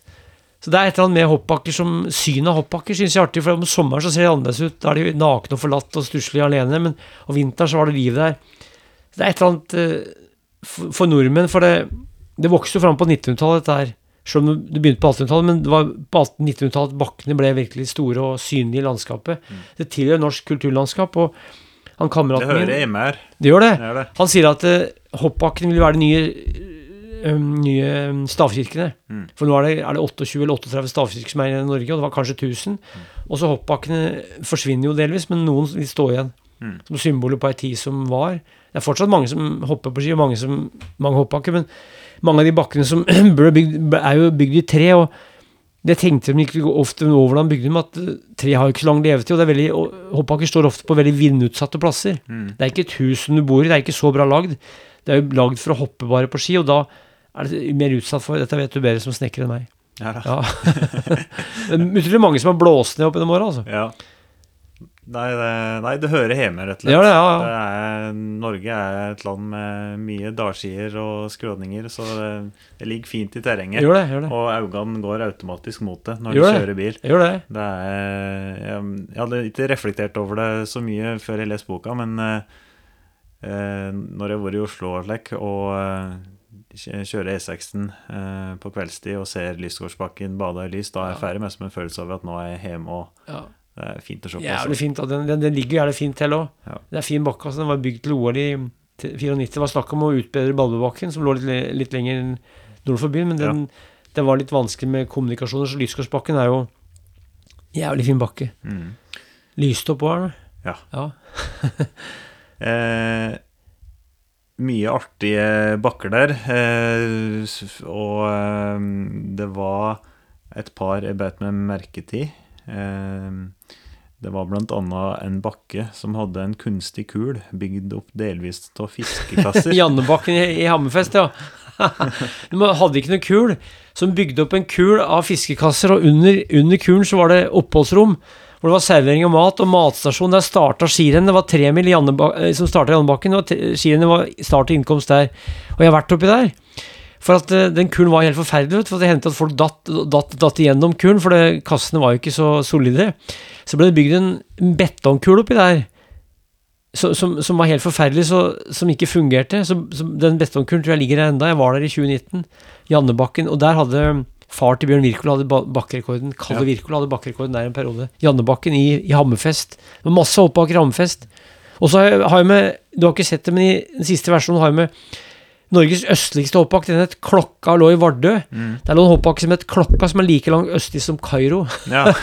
Klokka. Så er Norges sørligste hoppbakke, det var nede i Lista. ja. Så jeg har med de bakkene i boka. Ja. Nei, det var noen artige bilder der med hopping eh, på ja, helt i fjæra og Ja, ja. Nei, det var Det var på Jæren, eh, Jæren, ja. Obrestadbakken. Ja. Og, og så har du det, der, det, det kapittelet om klengenavn. Det synes jeg det er mye rart, altså. Ja. Døden, Sjølmordsbakken, Døden i Dumpa. I Trøndelag var det noe som heter Homobakken. Homobakken oppe i, oppe i Grong. Eh, og, det, og, det var, og det var eh, Og hva er etymologien bak den? det, det er et navn, altså homo er et navn. Ja. Det er bare et navn, altså. Ja. Ikke noe annet enn det. Nei. Så det var ikke noe negativt i det, altså. Nei. Men det, het, det var oppe i Grong. Ja. Men, men altså, det, det er mye rare navn på de bakkene. Og mange bakker heter jo det samme. Granåsen var det én i Namsos, én i Trondheim, én i Hølanda og én på Løkken. Mm. Fire Granåsen i Trøndelag, som omtrent like store. Og, og, og så har du de her um, artige navna som, som, som, som, som, som er der eh, altså, my, my, my, Navnet syns jeg er artig, for det sier jo det er unger som har lagd gjerne navna. Fordi de begynner å lage en bakke, og så, og så kommer det et navn på bakken. Bakkebakken var det noe som het, for lå under plassen Bakke. Det var i Bjørkelangen, Bakkebakken. Nei, nei, det var eh, Det det det- Grunnen til at jeg går på langrenn nå i dag, og Fentebakke skiglede, det var en symbiose mellom å lese bøkene dine og, Artig, eh, Ja. og kjøpe en ny ski som hadde riktig spenn. Ja. Eh, du behøver ikke å være spesielt interessert eller bakgrunn verken i langrenn eller hopp for å ha glede disse bøkene dine, og om med denne norske hoppbakker. Jeg har jo ikke noe Ja, som du sier, jeg er en betrakter på god avstand. Ja, Men jeg hadde stor glede av boka, altså. Ja, artig. Takk skal du ha. Det er for at eh, i dag kan vi bruke det beste av det gamle og det beste av det nye. Da er moderne langrennsutstyr og gode løyper, hvis vi skal gå i løyper. Vi kan bruke Det gamle er å gå på ski, og det nye er at du kan bruke de moderne hjelpemidlene som er. Mm. Som gjør at du kan få en enorm skiglede, ja, riktig spenn, og høre på en podkast om noe gammelt, f.eks. Da Ja. er det Forteller Podkasten er jo et slags leirbål, som jeg ser det. Ja. Sitter rundt leirbålet og hører, og så kan du Evig aktuelt, det. Ja, det går aldri av moten, det. Nei. Det er jo urmenneskets måte å kommunisere på. Ja. Når jeg var liten, så tenkte jeg at eh, da mennesket oppsto, så satt de rundt et bål, og så fant de opp ord. Satt de på huk, ikke på knea, eller satt i en primalstilling og hørte på Fant opp ord. Mm. Eh, Det, det er et bilde jeg hadde av, og, og det er jo det med skisport i dag òg, for har du har du bra ski og Du kan jo kan du bruke en bil og kjøre opp i fjellet. Altså. Det er så mye vi har som vi kan gjøre i dag for å få det gode liv, som gjør at vi får det enda bedre enn Du skjønner hva jeg mener? Ja. Nei, jeg kan ikke forklare det. Det er bare når jeg fikk eh, meg som mer historia bak og eller, eh, eller ja, meg som fikk eh, høre om kulturen og eller hi- historien bak skiløperne og hopperne. Ja. Det, fikk meg som på en merkelig måte eh, mye mer glede til det å gå på ski. da Når Ja. det fikk mer kjøtt på bandet, liksom. Jeg skjønner mener, for at det er akkurat som hvis du, hvis du, hvis du, hvis du arbeider på en gard, så kan du lese landskapet, kulturlandskapet på en helt annen måte enn hvis du ikke har noe greie på det. Ja. Og hvis du går på ski uten å kunne den historien, eller noe av det, så, så skjønner du ikke mer, men kan du den historien, så, så ser du og opplever skiløping på en helt annen måte. Mm. I positiv forstand, altså. Mm. Så i hvert fall er det med meg. Ja. Nei, så Jeg gikk ikke noe renn eller i barneårene, men da jeg bare begynt med voksen alder etter at jeg leste Birkenalek og ja, fikk lyst til å gå renn, jeg òg. Ja, så da ble det både Kjøren hjem igjen og Birken. Ja, når jeg går på ski i Nordmarka, vet du, så, så, så går jeg Jeg vet at her trente Torleif Haug intervall 1922. Ja. Her fløy Vegard Ulvang 1993. Ja. Her møtte jeg Arne Treholt eller Peter Northug. Ja. Så jeg, jeg kan, også når jeg er i Brumunddal her, så kan jeg flyge opp i skogen, og så kan jeg vite at her trente han og han i 1967. Ole Revsæter hadde en runde oppi her. Det er veldig mye jeg kan se i landskapet. Altså, jeg, fordi jeg vet om det, så kan jeg si at å, Så gir det meg en slags substans, eller en, gir en slags mening. Det gir meg dybde Ja, og glede dybde, dybde, ja, ja, ja, ja. Ja. Eh, det er artig. Ja, det er det. Ja. Det er det. Eh, denne kuren vi snakka om, der var rett og slett innreda eh, med benker og bord inni denne kuren. ja. Utrolig. Utrolig. Og jeg prater med Stein Niel var vel det. Jeg, jeg, jeg prata med en som heter Harald Lorentzen, som er vokst opp i Hammerfest. Han fortalte meg at vi var jo så på det i 2019, jeg var det i 2019 september, jeg var det i juni. Og i 2019. Og da, og da fortalte han jo, vi reiste rundt og så på den bakken. Jannebakken som har en kunstig kule Altså hadde en kunstig kule, og senere fikk en betongkule som var ubrukelig. Ja. Så den har to kuler. Ser, helt, ser ut som et misfostra en hoppbakke. Ja. eh, Bjørnlibakken òg. Eh, Ja. Den eh, På Romerike, ja. det var vel to veier som faktisk kryssa hoppbakken. Først var det én, og, så- og så var det bygd en ny vei. Og så var det to.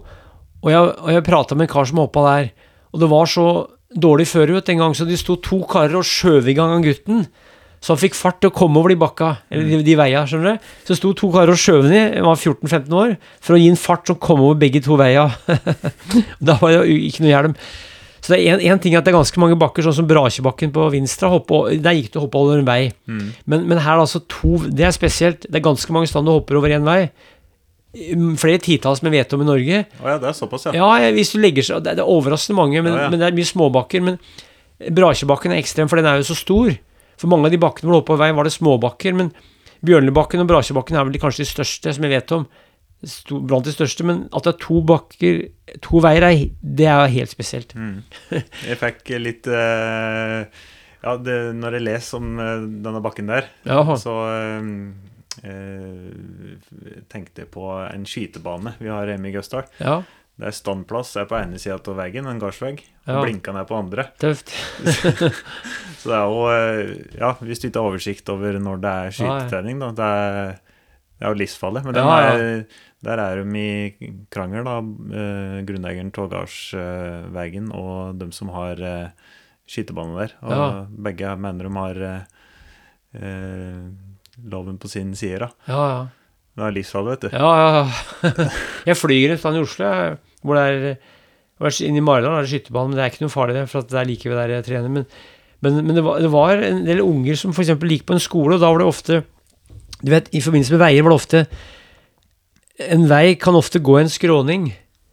Og hvis det er en skråning overfor og en skråning nedover veien, så er det ofte fint å hoppe, for på veien så er det et slags naturlig Kall det unnarenn, hvis du skjønner? Så det, det, det, det er Jeg har nok vært borti en 20-30 bakker i hvert fall som har hatt uh, mer, egentlig, som har hatt hopping over veien, men ofte er det småbakker. Brakebakken er spesielt, og det er det bildet som er der i boka, er det jo biler òg, ser du det? Det står biler der. Mm.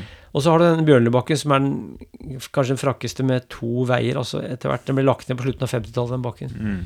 Kanskje like greit. ja, jeg Jeg tror tror det. det var bare en ulykke som uh, før og sida ville skje. Ja, men Skuebakken som, som ble lagt ned i 96, der var det jo hoppa de Der gikk jo ti, Der gikk vel tilløpet over Det Der gikk vel tilløpet over en vei der. Ja. Og så Det var vel to veier der òg, men den ene var tilløpet, og andre var eh, andre var eh, Ja, det var to veier der òg. Den ble lagt ned i 96. Mm. Det står, det står i boka bakerst der. Ja. Eh, da skal vi tenkte jeg å avslutte litt med slik det er nå i dag. Det har jo vært en enorm utvikling som vi har vært igjennom nå. Så var det jo, begynte jo i det små med litt uh, hopping på naturlige hopp med fem og ti meter. Eh, etter hvert ble magiske grenser brutt. Eh, det ble bygd stillaser. Ja. Hoppbakkene ble større og større. Mm. Eh, de begynte til og med etter hvert å hoppe om sommeren. Ja, ja. Det var tidlig sommerhopping, og det var jo i USA første gang, kanskje, i- kanskje i London, hvordan nordmenn som hoppa innendørs. Det var show. Ja. Carl Hovelsen, jeg snakka med sønnen, Carl Hovelsen, født i 1877, dro over til Amerika. Sønnen Leif, født i 23, jeg traff ham for en del år siden. Han fikk ungen da han var 46 år. Så han, han fortalte, han, Leif fortalte hva Carl hadde fortalt fra USA, hvor han hoppa inn. Så det var innershopping-show. Også det å hoppe ute var testa flere ganger. I USA, vi har bilde av det i boka, det var på slutten av 30-tallet. Og i Norge så hoppa de jo i Paris. I 1950, altså Nordmenn dro til Paris. Dro til Holtekollen i Danmark, tok med seg snø på toget. Hoppa i, i Edinburgh. Hoppa i, på Wembley stadion. Hoppa i Norge på, på, på Skeidbakken i 1958 i Oslo. Det var plastbakken, det var Lilletvedtbakken i Bergen i 1960 i oktober. Så plasthopping kom, men i Norge var det først på 70-tallet det ble større. Solbergbakken i Bærum hadde de i 76, og Linderudkollen i 76, og så kom det Granås i 77, og i Molde i 77. Så det skjedde noe på 70-tallet med plastbakker, og i dag er det mange som hopper på plast, for Det er jo vanskelig, dårlig med snø ofte. I dag var det kun snø, men allikevel er det dårlig med snø, så plasthopping har blitt viktigere. Mm. Litt sånn som kunst, kunstgrasbaner, så er det plasthoppbakker. Ja. Ja, det kan være litt sammenlignbart, tror jeg, uten at jeg er ekspert på noe av det delene. Spesielt, altså. Ja, veldig spesielt. Ja. det var eh, veldig interessant, som, eh, som sagt, Ja. eh, å lese av norske hoppbakker. Eh, Så hvis det er noen som eh, syns denne praten her var interessant, så er vel den å finne i butikkhylla nå. Den er også, det er en gavebok til mannfolk over viss alder. Den boka er på 504 sider, Ja. gitt ut av Gyldendal Forlag. Så det er en fin gavebok til karer som har alt. Mye fine bilder, og de fleste menn over 50 år i Norge har minner om hoppbakker. Så de, for, for, hoppsporten den forelsker deg i før du begynner å bry deg om kvinnfolk. Så det er noe som tilhører gutteåra, og noe som aldri gir seg med å hoppe på ski. Men den interessen du får for å hoppe på ski, har ofte vært i gutteåra, da verden er enkel og lykkelig å forholde seg til. Ja, men uh, tusen hjertelig takk. Sjøl takk. Ja. Det er bra.